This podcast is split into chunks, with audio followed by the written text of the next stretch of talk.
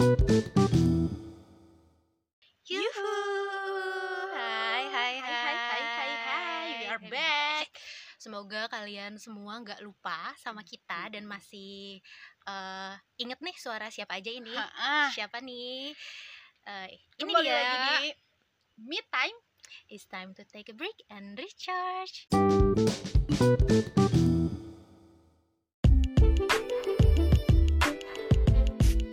Oke guys, Terus aja nih. eh, akhirnya Oke, semoga akhirnya masih ingat suara kita nih. Tadi kan udah disebutin. Terus pasti pada kena- penasaran sampai typo nih saya ngomong udah lama nggak recording. Kenapa nih? Setelah berbulan-bulan lama lamanya, guys. mm, nggak muncul. Kenapa sih nggak update-update mulu? Kenapa? Mm-mm. Kenapa? Karena kita memang so sibuk, orangnya so sibuk menyibukkan Betul. diri.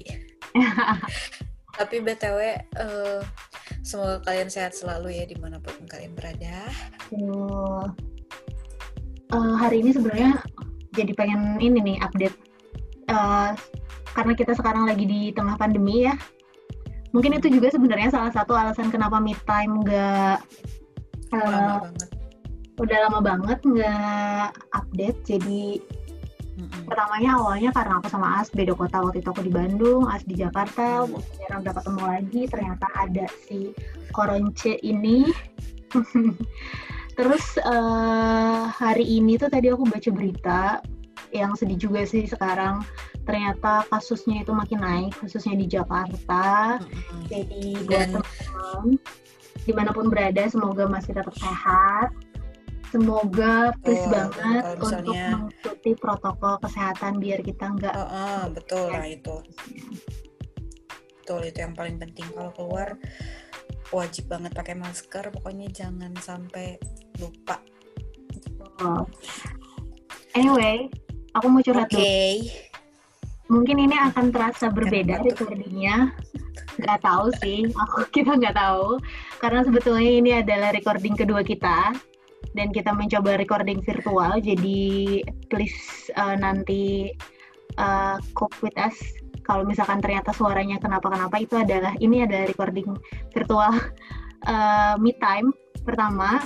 Karena kemarin kita udah recording sebenarnya tentang tema ini Eh, di salah satu perpustakaan di Bandung. Sampai si mas-mas yang jaganya nungguin kita record sampai nggak tutup dulu tapi ternyata tuh ada noise eh, di beberapa part yang ketika kita Hmm. mau edit jadi nggak bisa nggak bisa di cut jadi akhirnya kita mutusin untuk re-recording ini Ah, daripada nggak jelas, mending kita record ulang lah. Tapi mudah-mudahan Betul. ini jelas ya, guys. Mm. Oke, hari Oke. ini kita akan bahas apa nih di tema eh di tema akan membahas tema apa setelah sekian lama kita nggak eh, sharing di me time. Eh, kali ini kita bakal bahas tema ya ini bakal relate banget sih kayaknya untuk sebagian Oh. masyarakat besar di Indonesia. Cie. Apalagi buat remaja-remaja, milenial-milenial, anak-anak zaman sekarang. Kita sekarang bakal ngebahas imaginary audience. Apa itu Bu Fida?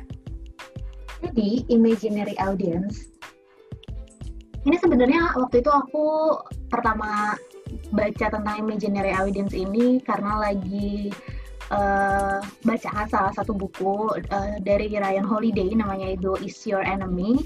Di sana itu di salah satu chapternya dibahas tentang fenomena imaginary audience sama David Elkins.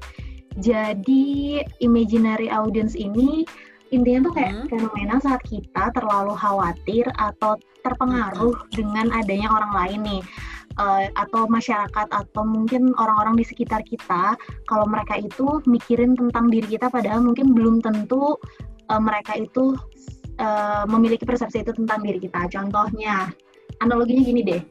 Misalkan ada anak SD tuh dia telat nih datang ke kelas, telatnya tuh lama banget, misalkan sejam setengah jam. Pas mau masuk dia tuh malu, mikir kayak kalau gue masuk nanti disorok-sorok, disorok-sorokin sama teman, nanti diomongin nih sama teman-teman yang di kelas gitu. Terus ah nanti dimarahin sama ibu guru nih pasti gitu. Akhirnya dia diem nih di depan pintu kelasnya terus aja mikir kalau masuk nanti malu kalau masuk nanti diomongin kalau masuk nanti dimarahin gitu Nah. dia itu mikir Heeh. bahwa audiens yang di dalam itu akan melakukan sesuatu terhadap dirinya gitu jadi ada kekhawatiran dan Menilai sesuatu di menilai Mm-mm. dia ya. Iya, bahwa di dalam tuh audiens yang di dalam tuh akan melakukan sesuatu kepada dia gitu pikirannya. Mm-mm. Jadi akhirnya dia stop untuk masuk kelas gitu. Besoknya pagi mau berangkat dia khawatir juga. Aduh, nanti kemarin gue telat kalau gue sekarang masuk diomongin lagi deh. Nah, itu adalah imaginary audience gitu. Jadi kayak fenomena kita fenomena kita uh, berpikir bahwa ada audiens yang uh, ngom- bukan ngomongin ya, tapi mereka menjudge kita, mereka itu mengurusi hidup kita padahal belum tentu uh, mereka itu seperti itu gitu belum tentu mereka itu uh, apa ya belum tentu mereka mau uh, ngomongin kita belum tentu mereka khawatir tentang kita kalaupun iya ternyata kita itu tidak harus uh, memikirkan hal itu gitu kenapa namanya imaginary karena sebetulnya itu adalah hal yang semu gitu Temu, guys. Betul. Dan eh, pasti kalian juga pernah ngerasain ini sih. Karena sekarang juga kan eh, adanya pengaruh teknologi juga ini pasti sangat bisa memunculkan imaginary audience Betul. dari sosial media, dari eh, bukan dari real life-nya juga gitu ya, dari sosial media itu eh, termasuk juga pemicu sebagai si imaginary audience ini. Hmm. Karena sebenarnya imaginary audience ini katanya memang paling banyak tuh dialami oleh uh, anak muda yang memang ambisinya masih tinggi gitu yang Ah, pengen menjadi sesuatu atau enggak kita tuh belum menemukan dirinya. Jati Akhirnya diri ya betul. mikir, mm, jadi kita mikir bahwa kita itu akan didefine atau akan ditentukan oleh apa yang orang lain pikirkan tentang Pikirkan. kita. Mm-mm. Nah, iya betul Padahal, sekali itu guys. judge atau uh, apa ya definisi dari orang lain terhadap diri kita itu tuh sebenarnya tuh nggak terlalu penting. Maksudnya itu tuh cuman semu belaka justru tuh yang penting adalah gimana lu mendefinisikan diri lu sendiri gitu. Jadi fenomena si imaginary imaginary audience ini nih as ternyata tuh emang tadi banyaknya dialami oleh generasi muda khususnya mungkin kita di milenial sama mungkin generasi bawah kita nih generasi Z yang mereka eh, paparan digitalnya tuh mungkin lebih lebih lebih tinggi dari kita ya. Jadi karena iya pasti. Iya kan segala sesuatunya udah by teknologi khususnya kan sosial medianya itu tuh kenceng banget gitu kayak anak SD sekarang semua udah tiktokan terus kayak udah pokoknya udah hatam lah semua sosial media gitu kan nah karena ada Karena ya yang memang gak bisa gak bisa di apa sih maksudnya si sosial media ini kan gelombangnya sangat besar dan gak bisa kita Betul. stop gitu dan ini Hmm. pasti ada efeknya Hmm. Dan mungkin ini sih jadinya kita nggak kontrol, akhirnya mereka yang mengontrol kehidupan kita gitu. Se se powerful itu gitu. Nah dengan adanya betul digital itu tuh akhirnya eh, ada yang berubah dari segi psikis mungkin sama mentally juga gitu ya. Hmm. Kayak contohnya nih gampangnya gam- kalau kita ngomongin imaginary audience di topik kali ini tuh eh, contoh nyata, contoh nyata tapi imaginary gimana ya? Contoh nyatanya Contohnya. contoh nyatanya si imaginary audience ini adalah followers kita atau mereka yang eh, terkait sama kita di social media kita. media.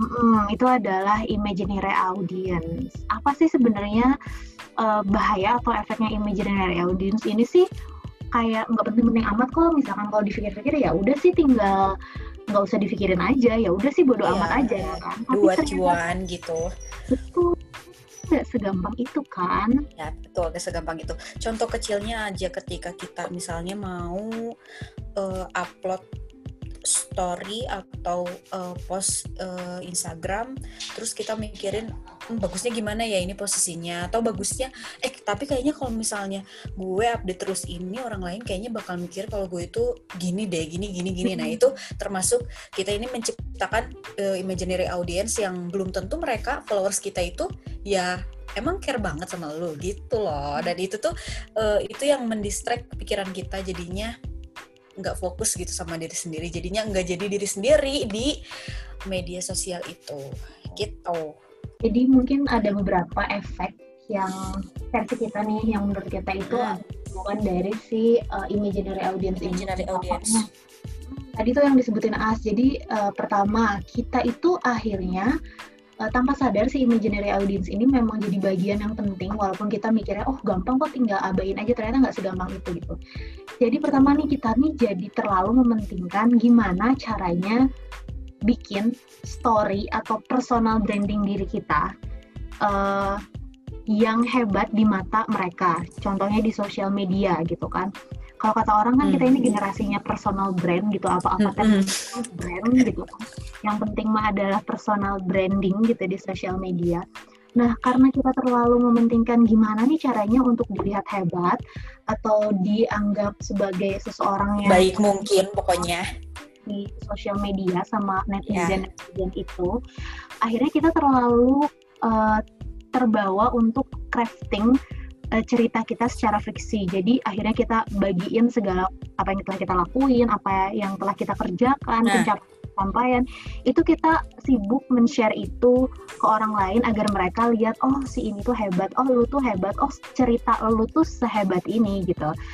Eh, nggak uh, jarang justru ada orang yang akhirnya uh, berbohong, bukan berbohong sih. Iya, maksudnya membohongi diri sendiri dan orang lain karena tadi uh, membuat cerita ya. Tuh, dia ingin cerita fiksi tentang dirinya di digital tuh sehebat itu. Mungkin ini udah ada beberapa meme juga nih, as kalau lihat nih, kalau sekarang generasi LinkedIn katanya, jadi tuh banyak banget status atau mungkin uh, iya stat, status atau posisi orang di LinkedIn itu sekarang tuh jadi keren-keren banget gitu. Hmm. Contohnya gitu kan self employed selama enam tahun, coy berarti lu nggak kerja coy.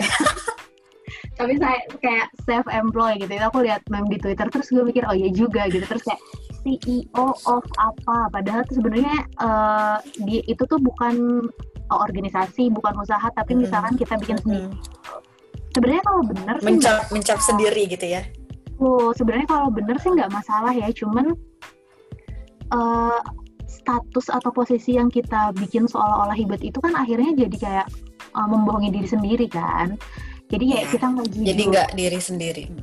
Tuh, tidak jujur dan itu dan itu pasti uh, pekerjaan yang berat juga loh guys. Uh -uh, dan sebenarnya ya buat cerita itu. Iya benar. Dan sebenarnya menurut aku ya uh, se seberpikir apa pun lu mikir kayak misalkan oh dengan bikin kayak gini gue bakal dipandang hebat nih tapi hmm. Hmm. Uh, ada satu yang nggak bisa kita bohongin itu nurani gitu ya ketika lu melakukan hmm. sesuatu hmm. yang salah ketika lu berbohong atau kayak lu tahu kalau lu tuh bukan orang seperti itu pasti ada nggak hmm. satisfied lu nggak bakal bahagia gitu dengan masang status di LinkedIn sebagai CEO yang perusahaan ya, akan puas tidak terdaftar yeah. gitu kan terus kayak walaupun orang-orang percaya tapi hati kamu tuh nggak akan percaya gitu. Kayak lu tahu iya, betul. cukup gitu. Nah iya. jadi akhirnya dengan adanya imaginary audience dan kita mikir apa yang mereka pikirkan tentang kita ini adalah segalanya gitu kan kita lupa uh, batas antara diri kita di dunia fiksi yang kita ciptakan yaitu di sosial media atau di dunia digital dengan kita yang sesungguhnya di dunia nyata gitu kan jadi, kita lupa lah. Dan apa kita sih maksudnya? nggak tahu gitu loh as. Kayak sebenarnya siapa sih gue dibalik uh, nah iya betul. sosial media. Dia iya dia aja belum mengenali diri dia sendiri ya. gitu loh. Apa sih yang bisa gue buktikan kalau gue atau besok sosial media tuh tiba-tiba hilang dan gak ada gitu kan? Lu tuh jadi hmm. siapa hmm. gitu? Lo siapa? Hello. Oh, oke okay, itu satu. Terus kedua apa nih? Apalagi ya? Terus Hmm. Terus kedua dari si efek imaginary audience juga ini uh, akan adanya akan adanya sih ya adanya fenomena bukan fenomena sih ini mah pasti semua orang pernah kayak gini membandingkan diri dengan orang lain. Iya itu sering banget. Uh, sebe ya sebenarnya ini penting gak sih kita ini membandingkan diri dengan orang lain? Uh, sah-sah aja sebenarnya. Kalau misalnya tujuan kita ini positif ja, misalnya jadi uh, ajang evaluasi diri gitu kan uh, kita membandingkan diri dengan manusia manusia lain atau orang lain atau teman kita yang lebih apa sih namanya yang lebih uh, unggul ya yang lebih unggul dari kita tujuannya untuk uh, mengoreksi kalian mengoreksi apa sih kelemahan kita jadi evaluasi gitu supaya hmm. kita ini jadi lebih baik. Nah sa salahnya kalau perbandingan sosial ini dijadikan seperti perlombaan ya nggak sih seperti hmm. perlombaan yang jadinya uh, obsesi untuk mencapai tingkat yang lebih tinggi dari uh, dia gitu dari teman kita yang lebih unggul dari teman kita. Padahal uh, kita ini belum mengenali diri kita sendiri. Uh, misalnya kita ingin jadi kayak wah kayaknya nih uh, kayaknya nih gue bisa deh jadi dia uh, lebih lebih tinggi dari dia. Hmm. tapi kita ini belum mengenali apakah kita ini sanggup apakah kita ini bisa apakah kita ini nantinya akan happy gitu. Karena tidak semua apa yang apa yang teman kita capai itu misalnya apa yang eh apa yang ingin kita capai seperti teman kita itu seperti orang lain itu belum tentu itu apa yang kita butuhkan belum tentu apa itu yang kita mau gitu. Terus juga apa sih kita sekarang tuh scrolling itu seperkian detik tuh bisa scrolling lihat story orang. Mm -hmm. dan berarti tuh seperkian detik juga itu kita gampang untuk membandingkan diri kita dengan apa yang kita lihat. Nah betul. itu kan jadi memang kadang kita tidak bisa uh, menahan diri kita untuk tidak membandingkan mm -hmm. diri kita dengan orang emang, lain. Emang sih.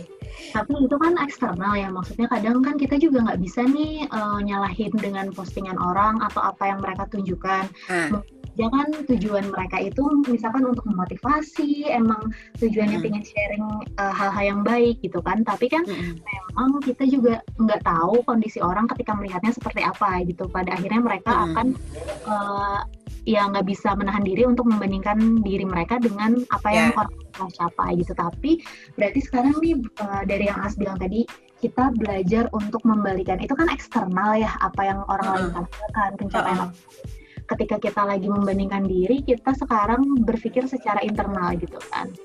Dalam diri kita.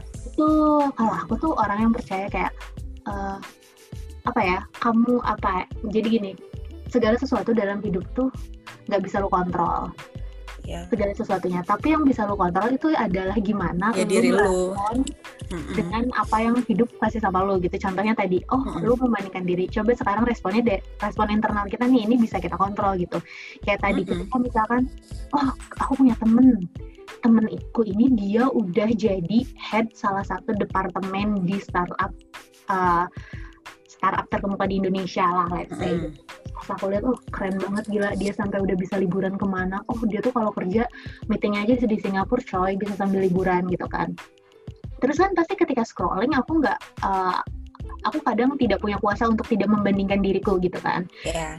nah, itu mungkin yang tadi kata As ada beberapa hal yang harus kita tanyakan kembali ke diri kita gitu ketika kita melakukan perbandingan kita dengan orang lain. Misalkan uh, kenapa sih dia bisa mencapai hal tersebut gitu? Aku tanya nah. misalkan oke okay, ternyata dia itu dulu tuh uh, anak-anak backgroundnya misalnya. belajar banget gitu. Rajin uh. organisasi terus juga TOEFL-nya bagus terus juga uh, dia tuh ikut les-les kayak bisnis terus networking di luar kampusnya bagus misalkan ikut uh, salah satu himpunan tentang bisnis lah dan lain-lain gitu kan. Oh ternyata uh, milestone-nya untuk dia mencapai uh, apa yang dia punya sekarang itu banyak juga gitu kan.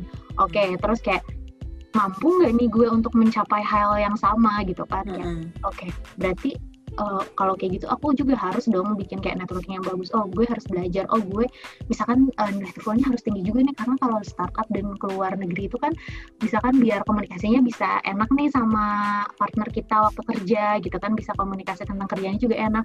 Apakah kita mampu mencapai hal yang sama gitu kan? Terus kayak apakah kita benar-benar menginginkan hal yang itu? Kayak kita nanya tetangga gue nanya gitu kan.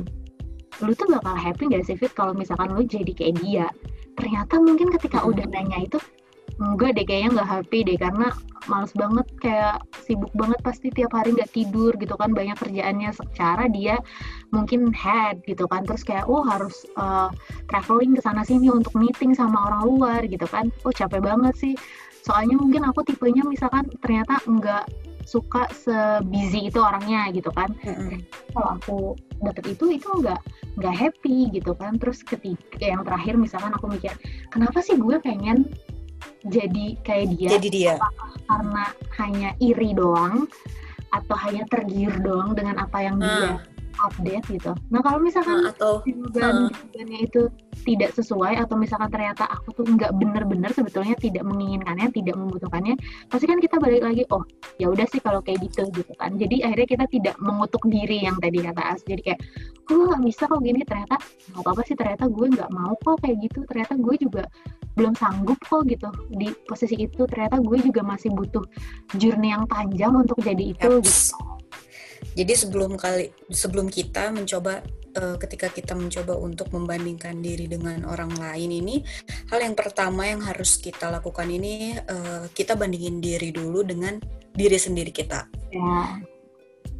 Jadi kita emang boleh sih kagum misalnya sama teman kita yang Hmm. emang eh, dia ini lebih dari kita misalnya eh, kemampuan dia ini cerdas banget lah gitu. Tapi kita tetap harus fokus sama diri kita sendiri. Kita coba tanya eh, sampai saat ini tuh kita udah sampai mana? Terus kita ini bisanya tuh apa sih gitu? Kepengennya itu apa? Tujuan hidup hidup hidup ke mana hidup tujuan hidup kita ini Mana eta hidup? apa gitu. Karena eh, sebenarnya ini ketika kita membandingkan diri dengan orang lain ini kita nggak akan pernah puas guys. Yang ada ini akan cemas gitu loh yang ada kita ini akan cemas terus Mm-mm. Ja, ini sih yang harus diingat. Aku lagi tertarik juga dengan mindfulness. Jadi maksudnya uh, bacaan beberapa. Ada satu hal yang menarik yang pernah dibahas. Jadi kayak it's not about winning. Kadang kita mikir kayak kita ini ada di satu perlombaan yang besar dalam Mm-mm. kehidupan. Terus kayak uh, berlomba-lomba untuk jadi unggul gitu antara satu manusia dengan manusia lain. Jadi kayak perlombaan tiada henti. Kayak tadi kan misalkan ada satu orang yang lu mikir oh gue pengen kayak dia, terus udah menang. Terus nanti ada lagi orang di atas lu, terus lu pengen menang lagi. Terus aja gitu nggak beres-beres gitu kan. Eh, jadi tuh capek nggak sih kalau kayak gitu karena kita mikirnya oh kita lagi bersaing terus aja bersaing gitu kan. Kalau aku sekarang sih ya mikir tuh kayak it's not about winning because everyone can win and everyone can lose but not everyone can Yes. better version of their self. Jadi yang penting adalah kita gimana caranya jadi versi terbaik nih dari diri kita gitu. Karena bisa aja setiap orang tuh bisa menang, setiap orang tuh bisa bakal kalah gitu. Tapi nggak setiap orang nih bisa jadi versi terbaik dari diri mereka masing-masing.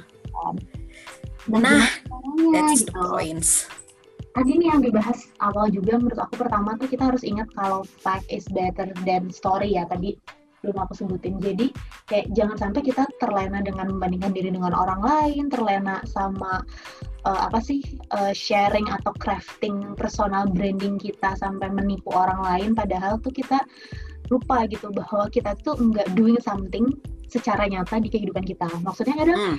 eh, kita punya mimpi pasti kan. Maksudnya dengan lu membuat cerita lu sebegitu baiknya berarti ada yang ingin lu capai kan. Tapi apa yang kita capai ini tidak akan menjadi fact, tidak akan menjadi fakta kalau kita cuma cerita doang gitu. Kalau kita nggak doing gitu. Kalau kita tuh nggak ada to do list gitu loh as. Jadi kayak Mm-mm. eh, kita scrolling sering banget, kita bikin caption sering banget, tapi sampai akhirnya kita lupa untuk eh, mewujudkan apa yang kita inginkan dengan apa? Dengan ya tadi misalkan create something atau enggak misalkan kamu pengen jadi penulis. Ya jangan cuman update-update doang gitu tapi ya coba eh, mulai gitu menulis. lah. Mm-mm. nulis buku kamu kamu pengen jadi eh, apa sih misalkan fotografer gitu tapi kerjanya tiap hari tuh ganti profile di LinkedIn misalkan usaha sendiri terus kayak gini-gini gitu cobalah eh, hunting gitu. Jadi eh, daripada kita sibuk mengcrafting eh, apa sih story kita sedemikian rupa sampai lupa nah jangan sampai lupa untuk eh, membuktikan itu juga di dunia nyata gitu. Jadi eh, ya proses ya. Jangan jangan sampai uh, kita terlalu khawatir dengan apa yang orang lain pikirkan atau dengan suara-suara imaginary audience itu gitu. Jadi kadang kan yang hanya semu guys iya tapi aku pernah juga loh di posisi itu pernah nggak sih ketika awal-awal main aku juga sosmed pernah iya kan jadi kayak misalkan sampai sekarang pun sampai sekarang pun bahkan ya masih ada ya eh kadang masih ada. Jadi kayak misalkan eh, aku mau aku tuh males gitu eh, untuk update sesuatu terus tiba-tiba mikir kayak eh tapi nanti orang lain mikir apa ya? Eh tapi nanti orang lain tuh eh, followers gue tuh bakal mikir ini enggak kayaknya aku harus Ya. share ini deh kayak gitu kan. Akhirnya itu, pikiran itu kan mendistract kita dari hal yang kita lakukan gitu. Misalkan besok aku ada kerjaan. atau mau sharing session terus kayak mikir aduh nanti kalau nggak di share orang nggak tahu oh nanti kayak gini uh, orang tuh uh, nyangkanya gue nggak kerja nih gitu kan kayaknya aku Betul. harus di hari gitu nah itu tuh noise noise seperti itu tuh mendistract kita gitu jadi jangan lupa untuk melakukan uh, usahamu di dunia nyata Uh, jadi jangan sampai hanya membuat cerita sebagai usaha di dunia maya, tapi juga melakukan usaha di dunia nyata. Play the game, ignore the noise, dan lakukan apa yang kamu butuhkan untuk capai mimpi itu gitu. Jangan cuma update LinkedIn dan lain-lain, tapi nanti akhirnya kita lupa kita nggak dapet apa yang kita inginkan gitu. Sibuk untuk membuat cerita, guys. Tuh, sampai lupa dunia nyatanya gimana gitu. Karena sebenarnya walaupun kita sudah bikin cerita sedemikian rupa tuh kita diri kita pasti tahu kok kalau kita tuh masih kurang gitu. Kemampuan kita ya, kemampuan kita itu sampai mana? Dan jangan takut Eh, masih belum bisa apa gitu. tuh, jangan takut untuk share eh, bukan kekurangan ya Kekurangan, kelemahan, iya apa? apa sih hal yang mungkin nggak kita kuasai gitu loh jangan malu untuk mengaku itu jadi kayak misalkan kan kalau sekarang kayak manusia tuh kayak perfect banget gitu ya di sosial media. Ada tuh temanku yang bilang kayak gue nggak mau share ini karena gue nggak mau kelihatan gue nggak bisa gitu. Lah kenapa? Gitu. Ya, nggak apa-apa justru ketika kita nggak bisa sesuatu tuh misalkan dan orang tahu lu ada titik kelemahan tuh berarti orang nggak kalau lu tuh manusia gitu. Kalau aku ngomongin konten misalkan uh, share konten tentang personal story aku selalu bilang tuh ada tiga tahap nutrisi misalkan kayak uh, karakter. Terus ada justru ada di ini nih uh, masalah nih yang kedua. Terus yang ketiga ini conclusion gitu kan. Uh, justru orang tuh engage-nya bakal kuat ketika satu tahu tentang diri kita kan karakter. Terus Hmm. kita ada masalah nih. Nah ketika kita ngomongin oh kita tuh punya masalah kita punya struggle kita punya hal yang ingin kita improve misalkan gitu ya. Terus ternyata ada orang dengan masalah yang sama gitu. Akhirnya jadinya relate. Misalkan as uh, struggle nih untuk uh, nulis skrip gitu kan. Terus kamu share kalau misalkan lu tuh lagi kehabisan ide gitu kan gimana caranya ah, padahal aku tuh pengen dapat posisi ini gitu kan. Lama kelamaan kamu mikir oh kayaknya aku harus cari ide dengan jalan keluar atau apa. Terus kamu share gitu kan kalau misalkan kemarin tuh lagi buntu nggak bisa nulis ini dan akhirnya tuh lu gagal uh, interview ini gara-gara skripnya nggak bagus Mhm. gitu kan terus lu share gitu kan udah gitu tuh akhirnya kamu nyoba lagi nih uh, salah satu posisi ini dengan bikin skrip yang bagus terus kamu share bahwa ide skrip itu kamu dapetin dari ketika lagi jalan-jalan dan lain-lain gitu lah tiba-tiba dapet ide eh terus aku relate gitu ketika as uh, share gitu oh ternyata ada juga nih orang yang kena uh, blogs atau writers block atau mungkin Ka- ide gitu kan oh bukan gue doang gitu kan oh relate banget nih sama Aas gitu terus ternyata oh Aas ternyata bisa nih menghilangkan blog itu dengan apa dengan oh dia jalan-jalan buat nyari jalan-jalan. lihat Kadang- orang tuh Iya. gimana Ah, gue tuh nanti ngikutin kan justru dengan Mm-mm. Aas menunjukkan Kadang itu tuh ya kayak gitu tuh aku jadi oh relate banget penting ya benar. Bisa jadi ya kayak tidak tadi kadang dengan kita menceritakan tidak semua hal yang eh, apa sih pencapaian-pencapaian kita yang kita ceritain kadang dengan kita cerita ketika kita misalnya lagi ada masalah ini terus eh, misalnya kita cerita sama di media sosial atau gimana kadang itu juga ada yang bisa jadi mereka ngasih solusi kan ngasih Iya. solusi yang kita bisa oh iya ya benar juga. Jadi pikiran kita yang buntu ini kebuka gitu loh jadi jangan jangan takut untuk share apa pun gitu. Mungkin aja Hmm, apa asal yang jangan kamu- asal ya, jangan head speech aja ya. Betul. Jangan hate speech jangan berbohong. Kadang mungkin apa yang jadi masalah kita bisa membantu orang lain sih. Yang hal yang kita struggle. Terus apalagi ya? Yups yups yups yups terus eh ini nih eh, apa sih kemarin aku lihat salah satu Instagramnya eh, Kartika siapa yang lupa dia tuh salah satu konfoldernya apa gitu Kartika Dewi atau apa gitu. Ini juga mungkin ngefek ya dengan si imaginary audience ini. Kita jadi seakan-akan itu punya pilihan terlalu banyak. Sedangkan oh pilihan iya tetap bukan pilihan kita atau pilihan yang kita mau gitu. Jadi kadang kita tuh sampai akhirnya harus uh, terpaksa menjalani pilihan yang diinginkan orang lain untuk kita. Akhirnya kan ketika kita menjalani pilihan itu tuh nggak happy kan. Misalnya ya, karena tujuan tuh, kita bukan itu tadinya. Uh, jadi kadang tuh gini loh, uh, apa sih suara di lingkungan kita kalau aku gambarin tuh terlalu banyak suara dari eksternal tuh terlalu banyak dan kita tuh terlalu um, menjadikan suara orang-orang sekitar kita suara dari eksternal itu jadi hal yang penting sampai akhirnya menutup suara kita sendiri dari dalam gitu kan hmm. jadi kayak hmm. Orang tuh kadang ngasih pilihannya gitu kayak Fit uh, lu beli baju warna kuning aja lu beli baju warna hitam aja. Eh lu tuh bagusnya pakai baju coklat tau.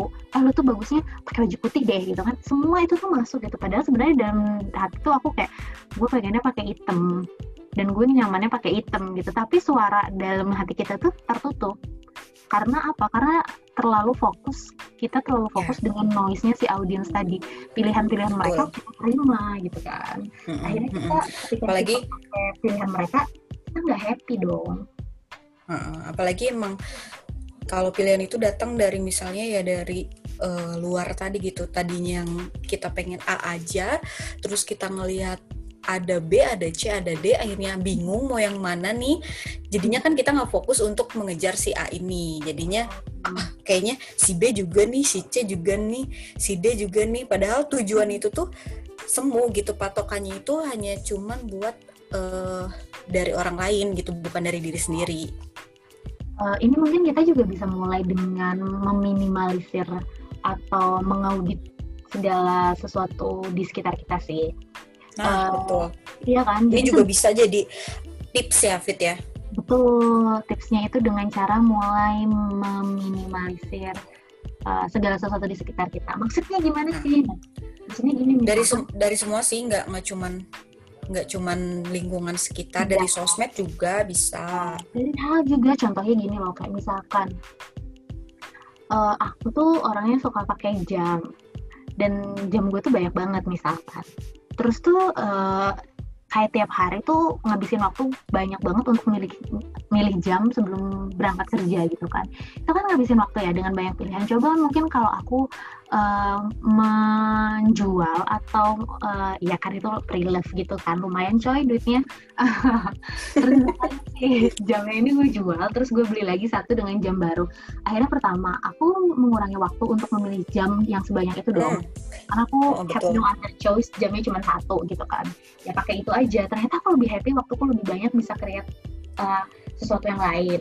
Itu contoh dari mungkin dari hal uh, itu penting uh, apa ya meminimalisir eh, barang-barang misalkan. Pilihan ya. Mm-hmm.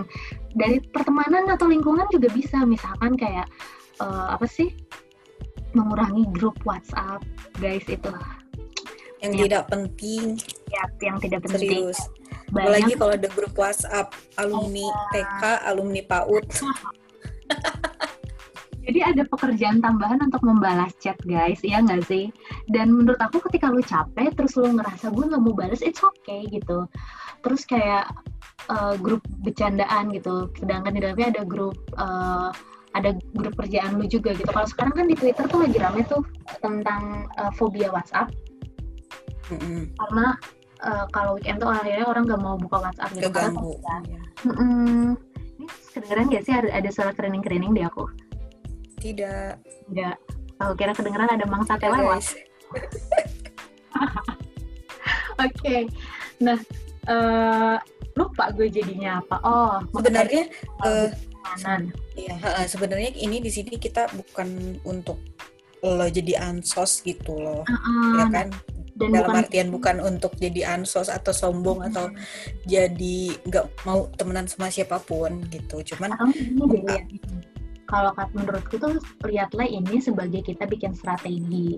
Nah, misalkan gini, ada 20 orang yang dekat sama kita nih temen. Tulislah nama 10 sampai 20 orang orang-orang terdekat kita, terus kita bikin kelompok. E, manakah orang-orang yang menguatkan dan mana orang-orang yang menurut lo tuh ketika kumpul sama dia tuh bikin lo jadi lebih lemah gitu kan. Kalau kita udah tahu nih nama-namanya, ya let's say ini sebagai strategi ya. Jadi kayak, oh, jadi lo tahu uh, mana orang-orang yang lu harus memberi effort lebih banyak gitu. Jadi aku Hmm. akan uh, misalkan aku sama uh, Aas adalah di kategoriku masuk orang yang menguatkan. Oke, berarti aku akan menjalin hubungan dengan kamu lebih baik dong. Aku akan meningkatkan kualitas hubunganku dengan kamu. Nah, yang lain frekuensinya dikurangi. Jadi kan kayak aku save time juga, terus juga uh, ternyata hubungan aku nanti sama kamu kualitasnya jadinya lebih baik gitu. Karena kan Ah, eh, ya kita tuh adalah eh, gambaran dari orang-orang yang mengelilingi kita kan nah, Dan- betul. ya apa sih nggak apa-apa gitu bukan berarti lo memutus hubungan dengan yang lain ya tapi jadi kita Iya. tahu nih kita bikin strategi gimana caranya untuk kita lebih tumbuh dengan mulai memilih orang yang membuat kita juga tumbuh gitu Sebenarnya cara ini juga efektif sih eh, ketika nih teman-temanku ya dan emang fenomena di umur segini ini banyak banget yang update. Makin dewasa teman makin sedikit ya makin kelihatan ya mana yang benar mana yang enggak gitu. Sebenarnya ini ini nggak akan jadi eh, ini pikiran kayak gini juga bakal mendistract kita jadinya kayak kadang karena eh, aku pun pernah merasakan itu ya ketika tumbuh tumbuh menjadi dewasa. Tumbuh menjadi dewasa. Terus kayak asalnya temen dari misalnya 50 terus ketika dihadapkan ke perantau kerja terus lo jadi kehilangan teman-teman dekat lo di Bandung gitu terus kayak ngelihat mereka main bareng terus ketika lo bareng lagi jadi enggakin jadi obrolannya enggakin terus jadi pikiran gitu ke jadi pikiran ke kitanya jadi kayak Hmm. mendistract terus pikiran jadi kayak kesel lo kok kok mereka gini, kok mereka gitu. Dari sini juga kita bisa jadi gunain cara Vida tadi. Kita nggak akan mungkin kesel, kita nggak akan itu kes- kesalahan itu tidak akan terjadi kalau kita ini udah mulai mengaudit teman nih mana yang kira-kira dia menguatkan, mana yang bikin aral terus, mana yang eh, melemahkan gitu. Ini nggak akan nggak akan apa sih nggak akan jadi pikiran kita sih. Kadang-kadang sih memang masalah pertemanan juga kadang ini bisa jadi masalah yang ganggu pikiran kan. Jadinya ya semacam hal yang tidak penting tapi dipikirkan itu kan buang-buang waktu coy. Hmm, betul buang-buang waktu. Jadi cara ini juga efektif sih buat buat tadi kayak kata Vida untuk melihat mana teman yang menguatkan, mana yang melemahkan. Daripada kita capek-capek kan lo eh, kayak misuh-misuh ih dia ini gini gini gini gini tapi lo juga nggak tahu strateginya kayak gimana gitu ya udah kalau temen yang kayak gitu berarti ya lo udah tahu jawabannya kalau emang dia itu cuman membuang waktu untuk lu misu-misu Oh, misu-misu. Dan sebenarnya ini juga sih banyak yang uh, aku ngobrol sama beberapa orang yang dia tuh masih takut untuk menolak atau bilang enggak gitu ketika diajak ngumpul atau gimana gitu. Eh, ini juga pernah dibahas nih kalau nggak salah di sama Raditya Dika di salah satu kontennya. Jadi kayak misalkan eh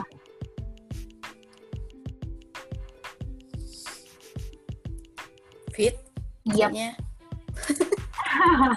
oke mati Iya, jadi eh, tadi apa ya? Lupa saya. Oh iya, Eh, masih banyak teman-temanku yang bilang kalau mereka tuh nggak berani bilang enggak atau menolak ketika diajak eh, berkumpul. Ini pernah dibahas nih sama salah satu eh, influencer Raditya Dika. Dia pernah bilang eh, dia mengalami hal yang sama juga gitu. Aku pun pernah merasa ada di masa yang sama. Jadi kayak betul Ketika takut diomongin kalau betul, nggak ikut diajak sama satu lingkup tertentu untuk hadir atau nongkrong atau misalkan ya hangout aja gitu kan.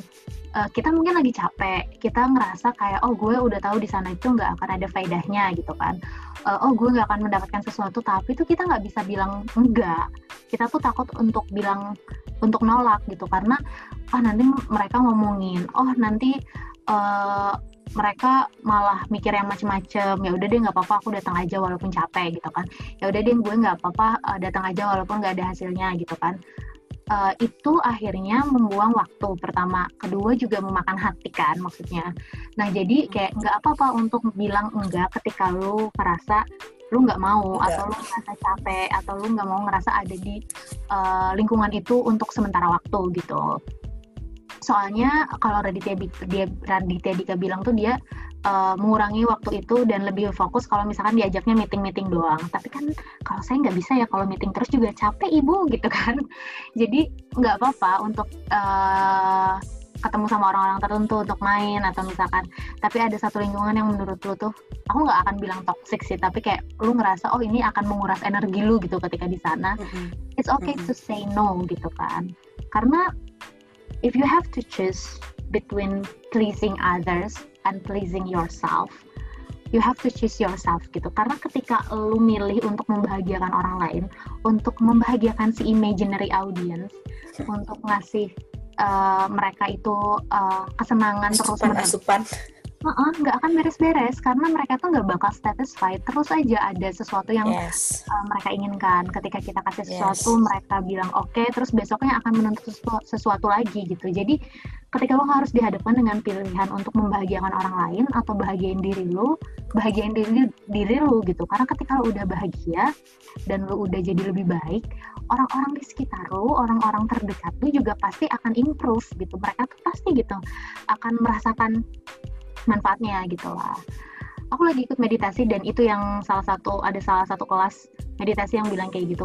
Uh, jadi ketika kita menentukan mau meditasi, tujuannya pertama adalah kita pengen jadi uh, hal uh, seseorang yang lebih baik untuk apa? Lebih untuk orang-orang kita juga gitu kan. Mm -hmm. Nah itu makanya jadi kadang ternyata iya juga ya dipikir-pikir dulu tuh gue pengennya tuh bahagiain orang lain misalkan bagian orang-orang sekitar kita pengen berguna gitu tapi yeah. Gak bisa kalau lu belum berguna buat diri lu sendiri Gak bisa kalau diri lu sendiri aja tuh belum bahagia gitu karena akhirnya itu kayak akan nguras energi dalam diri lu lama-lama lu kosong gitu kalau ditarik terus keluar begitu betul itu guys jadi nggak apa-apa untuk mengaudit sedikit demi sedikit. Yang penting uh, walaupun sedikit kualitasnya jadi lebih baik dengan lingkungan tersebut. Terus it's okay to say no gitu. Oke, okay, nah, nggak usah nggak enakan. Betul, nggak enakan itu tuh yang bikin dimasalahin. Tapi dulu emang aku juga dulu orangnya nggak enakan Novit. Iya kan? Ya nggak enakan. Iya, iya, ya, meskipun hati ini berkata tidak, tapi hmm kalau enggak pasti dia gini-gini ya. tapi iya. sekarang udah ya tapi sekarang udah bisa untuk memulai bilang berkata tidak kalau misalnya ya emang diri aku tuh nggak mau gitu. Ya nggak apa-apa. Untuk maksudnya nggak nggak jahat kok. Maksudku tuh uh, nggak jahat untuk menjaga diri kamu gitu. Itu tuh tidak egois ketika lu butuh waktu istirahat. Ya nggak apa-apa gitu. Uh, kenapa? Karena tadi gini loh uh, ada satu artikel yang pernah aku baca. Siapa diri kamu yang sebetulnya itu ketika kamu nggak sama orang lain? Karena ketika kita terus menerus ketemu orang lain mereka itu jadi sesuatu yang penting tadi si imaginary audience ini akhirnya jadi sesuatu yang penting gitu kan kita itu hmm. akan merasa akan mengubah diri kita ketika kita terus-menerus berada di lingkup bersama orang lain. Kenapa? Karena pertama entah kita untuk fit in dengan kelompok tersebut atau kita ingin mendominasi kelompok tersebut gitu. Itu tuh kayak habit gitu loh. Akhirnya untuk itu kita merubah diri kita kan biar diakui mereka. Iya, iya. Oh, jadinya nggak jadi diri sendiri juga. Biar dianggap jadi hebat gitu. Nah ternyata tuh kita yang sesungguhnya kita yang ada di balik topeng itu tuh akan muncul ketika kita sendiri gitu. Jadi coba tanyain sama diri sendiri, siapa sih gitu? Kayak aku juga pernah kayak nanya gitu. Siapa sih Vida waktu Vida tuh nggak ketemu orang? Siapa sih Vida waktu Vida tuh sendiri, misalkan duduk di halaman, cuman uh, natupin pohon gitu kan nggak ada orang. Itu tuh Vida yang benernya gitu. Itu tuh Vida yang ada di balik topeng gitu. Coba kenalan sama Vida itu fit gitu kan. Karena ya itu the real you ketika nggak ada orang lain nggak ada siapa pun di sekeliling lo gitu. Uh, tahu nggak kamu mukanya kayak gimana? Tahu nggak kamu sifatnya kayak gimana gitu? Nah siap nggak kamu menghadapi dia gitu? Jadi ya tadi ini itu juga poinnya untuk me time gitu. Kadang kita punya perlu ada waktu untuk menarik diri biar enggak terlalu kena sama efeknya si imaginary audience ini perlu banget me time gitu apalagi sekarang sebetulnya banyak nih momen untuk kita bisa kenalan lagi atau nggak berdialog sama diri sendiri apalagi lagi social distancing gini kan mm -mm. karena takut sih ah sebenarnya ngerasa nggak sih kalau sendiri tuh takut gitu mm -mm. kayak lu tuh takut menghadapi apa yang ada di kepala lu apa yang yeah, emang. Sampai akhirnya kita tuh cari distraksi dengan apa? Dengan uh, ketemu orang-orang dengan main sosial media. Padahal sebetulnya tuh ya coba untuk tidak ditakuti gitu. Coba untuk bertemu dengan diri hadapi berteman. Hmm. coba untuk dijadikan teman. Pokoknya intinya kalau dari aku ingat ketika kamu untuk uh, eh ketika kamu merasa ingin uh, diakui berlebihan atau ketika kamu ingin merasa adanya pengakuan lebih dari mm-hmm. orang lain atau dari imaginary audience kamu ingat itu bakal bikin kamu uh, terus cemas capek menguras energi menguras pikiran lupa akan diri kamu sebenarnya jadi tetap fokus, jangan sampai ke distract, jangan sampai ke distract dengan pikiran kamu sendiri sih sebenarnya Fit ya itu tuh. Hmm. Kalau dari aku mungkin pertama jangan lupa untuk selalu hadir sih dalam apa pun yang kamu lakuin. Maksudnya hadir tuh ya tadi kan coba mengakui uh, hadir di dunia nyata ketika lu ngobrol sama temen lu. Iya iya benar. Benar benar. Akhirnya akan memunculkan fakta gitu ketika kamu mencoba untuk hadir saat ini dengan apa yang kamu lakukan saat itu juga lu tuh nggak bakal uh, terus menerus bikin story yang bukan story instastory ya tapi cerita tentang yang uh, bukan lu banget. tidak nyata. Bukan diri kamu. Itu jadi coba untuk hadir agar kamu tidak terlalu masuk ke dalam dunia fiksi tapi juga bertemu dengan dirimu di dunia nyata. Terus juga tadi ketika kita uh, membandingkan diri dan tidak bisa menahan itu ya nggak apa-apa tapi jadikanlah itu sebagai momen untuk berefleksi diri bukan untuk yes. tadi mengutuk diri. Yes. jangan dijadikan jangan dijadikan apa sih namanya indikator utama gitu. Oh. Jadi kan itu buat mungkin semangat untuk mm-hmm. biar kamu tuh jadi uh, pribadi yang lebih baik. Oh, nah jangan lupa, eh jangan takut juga untuk meminimalisir uh, segala hal di sekitar kita yang menurut kita itu terlalu uh, membebani. Akhirnya cobalah minimalisir pilihan itu, cobalah mengaudit lingkungan lagi atau pertemanan dan it's okay to say no gitu kan. Jadi itulah uh, dari si imaginary audience ini. Jadi kita menurutku uh, dengan adanya imaginary audience ini kan pada akhirnya kadang kita itu tadi yang As bilang juga berusaha menjadi orang lain. Yeah. Uh, yang kita lupa orang itu adalah panutan kita gitu kan kita gimana caranya pengen jadi mereka dengan cara yang instan dan kadang nggak wajar gitu kan padahal uh, ini ada yang menarik juga nih yang aku pernah baca the only person that you have the possibility of being is yourself gitu. Kayak aku tuh pengen jadi sebijaksana uh, Buddha. Aku tuh pengen jadi kayak uh, Mother Teresa. Aku tuh pengen jadi kayak banyak orang lain Albert Einstein gitu. Ah nggak bisa gitu. Kenapa? Karena itu adalah orang lain. Orang satu-satunya orang yang bisa lu menjadi gitu adalah diri lu sendiri. Dan gimana caranya lu mengenali diri lu sendiri dan menarik potensi yang ada di dalamnya itu yang sulit itu jadi daripada kita capek memikirkan gimana untuk menjadi orang lain justru mending kita mengenali diri kita dan kita uh, coba kenalin baik-baik gitu. Gimana perasaannya apa yang dia pikirin kira-kira lu tuh potensinya di mana gitu. Itu tuh sulit banget guys. Gitu sulit banget Iya kan, bahkan gue pun belum. Gue ini, gitu kan. uh, uh, apa sih sebenarnya gue ini? Siapa sih? Gitu, gitu guys. Sukanya apa sih? Aku tuh nggak sukanya BTW, apa? BTW guys, aku tuh sekarang lagi sakit badan loh ini tuh. Nah, kayak masuk loh kayak masuk angin. Jadi kayak mungkin karena kelamaan di rumah ya. Jadi setiap kali keluar keluar sehari atau misalnya keluar sebentar itu langsung kerasa gitu ke badan itu. Langsung kayak capek banget itu tulang-tulang ini. Karena kebiasaan banget di rumah. Jadi sekalinya keluar ini langsung kerasa gitu, Wak tapi emang itu juga sih uh, sulitnya sekarang kita lagi sebenarnya udah nggak social distancing lagi kan saat ini cuman memang jadinya ada tak ketakutan kan beberapa orang juga mulai hmm. untuk beraktivitas kayak dulu gitu kan dan akhirnya kita stay di rumah terus nggak ada aktivitas fisik kerja juga dari rumah kadang itu bikin bosen dan bikin stres. Tapi aku mahal yang penting oh, oh, yang penting kalian sehat lah pokoknya. Sabar semua badai pasti berlalu guys. Oke okay, jadi mungkin materi kita hari ini ceh materi. Materi. Kayak kuliah nih topik kita hari ini. Topik kita setelah sekian lama nggak menyapa kalian di me time hmm, hmm. semoga semoga bermanfaat. dan juga eh, bermanfaat buat kalian. Semoga juga Uh, semoga kangennya eh, oh semoga. semoga. Gue semoga semoganya aja Fit doanya. Semoga apa nih semoga, kita semoga dapat bisa diambil positifnya Betul. yang jeleknya. Kalau misalnya ada yang gak setuju nih dengan tips atau beberapa tips kita tadi ya nggak apa-apa itu hak kamu. Pokoknya dari kita Ah, eh, asal mau sendawa.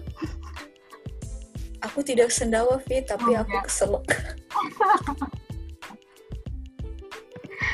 Aduh. Ya sih pokoknya gitu Ya, guys Eh, itu Pokoknya tema gitu kita ini tentang imaginary audience. Ingat Mm-mm. tadi jangan terlalu terlena atau berusaha memberikan segala sesuatunya buat mereka tapi coba balikin lagi apa yang kita inginkan tanya lagi. Terus juga eh, jangan lupa aku jadi pengen share ini tapi ya nggak apa-apa sih. Eh, kalau keluar tolong ikuti protokol kesehatan. Semoga teman-teman tetap sehat terus juga stay safe stay sane karena sekarang kita lagi ada di tengah pandemi kayak gini terus Mm-mm. semoga kita cepat membaik semoga dunia cepat pulih amin gitu. dan amin kalau kalian punya eh, masukan untuk tema-tema yang akan kita bahas selanjutnya, misalkan di Me Time boleh banget seperti biasa. Silahkan share ke DM atau Instagram atau komen karena kemarin juga banyak kan yang sudah DM dan komen menanyakan kapan terima episode kasih loh guys. Btw ya Thank makasih banget guys. loh buat kalian yang udah kangen sama kita. Akhirnya kita berjumpa kembali dan semoga kami tetap bisa memberikan semangat. Aja semangat. Tapi ini ya maksudnya eh, kemarin aku share ini juga kan sama As. Jadi karena sekarang kan podcast sudah banyak ya. Mungkin kalian mikirnya oh harusnya tuh kak lebih lebih sering dong upload gitu. Iya malah kita lebih males. Kenapa ya? Guys. Kenapa ya? Kita malah kalau males konten loh. ini anggap aja no pressure ya guys. Karena Iya. eh, mungkin kalau teman-teman yang udah pertama dengar kita juga dari 2018 awal kita bikin ketika belum banyak masyarakat podcast kita itu memang baru ke podcast nih. Mm, niatnya memang untuk share aja. Kayak kita suka ngomong pengen sharing jadi kita bikin gitu kan. Tidak mengharapkan Sebenarnya ya. apa pun. Eh, sebenarnya masalah-masalah yang kita omongin di podcast podcast bot podcast. Di podcast ini podcast. udah typo nih ngomongnya nih. Maaf guys ini aku sambil benerin kabel. Yang kita omongin di mid time ini sebenarnya eh, itu pun pernah terjadi terhadap kita ya Fit ya. Eh, pernah pernah kita alami lah Hmm, gitu. kita share tuh apa yang kita alami. Jadi kalau misalkan ternyata ada perbedaan pendapat itu nggak apa-apa kan subjektif ya setiap orang itu experience Yes. beda it's okay gitu. Jadi eh, ya mudah-mudahan ini eh, comebacknya kita. Semoga bisa bermanfaat buat teman-teman. But don't expect too much maksudnya karena kita tidak Amin. dengan banyaknya itu nggak jadi kayak oh pengen gini banget enggak kok yang penting me time mah punya sesuatu untuk di share sama kalian sedikit sedikit aja tuh Oke, akhir kata dari aku. Ya. Eh, jangan lupa, jangan sibuk untuk membandingkan diri kamu sama orang lain. Sibuklah membandingkan diri kamu dengan diri sendiri sampai kamu menemukan siapa kamu. Dan maaf kalau aku tugasnya iya iya dan aja. Karena sumpah ini tulang-tulang aku anjay ngalimu guys. tapi tadi tuh aku mikir ini sih ya suaranya kok lemes banget tumben Ya sumpah, karena ini aku baru merasakan fit. Kenapa ini badan aku agak meriang ya? oke Tadi nah dari, luar. dari aku sih tadi mungkin ya eh, just play the game ignore the noise and for the love of God don't let what others say distract you dari apa yang lu pingin capai gitu uh, just be yourself, jangan terlalu membandingkan diri dengan orang lain. Coba di momen kita lagi dunia lagi di lada pandemi ini, kita mungkin tidak bisa bersosialisasi seperti sebelumnya, tapi jadikanlah momen ini untuk momen kita justru mengenali diri kita sendiri gitu, bersosialisasi dengan diri sendiri, kenali uh, dengan baik siapa sih uh, wajah kita ketika kita melepas topeng yang kita tunjukkan kepada orang-orang di sekitar kita. Oke, okay, that's it for us. Oke. Okay. Selanjutnya. Sampai ketemu lagi di next episode. Insya Allah. Oh, nah, Allah mengizinkan audio untuk konten. Semoga next sudah oke. Okay. Oh, ya audio untuk konten berikutnya sudah oke okay ya ya oke okay, see you guys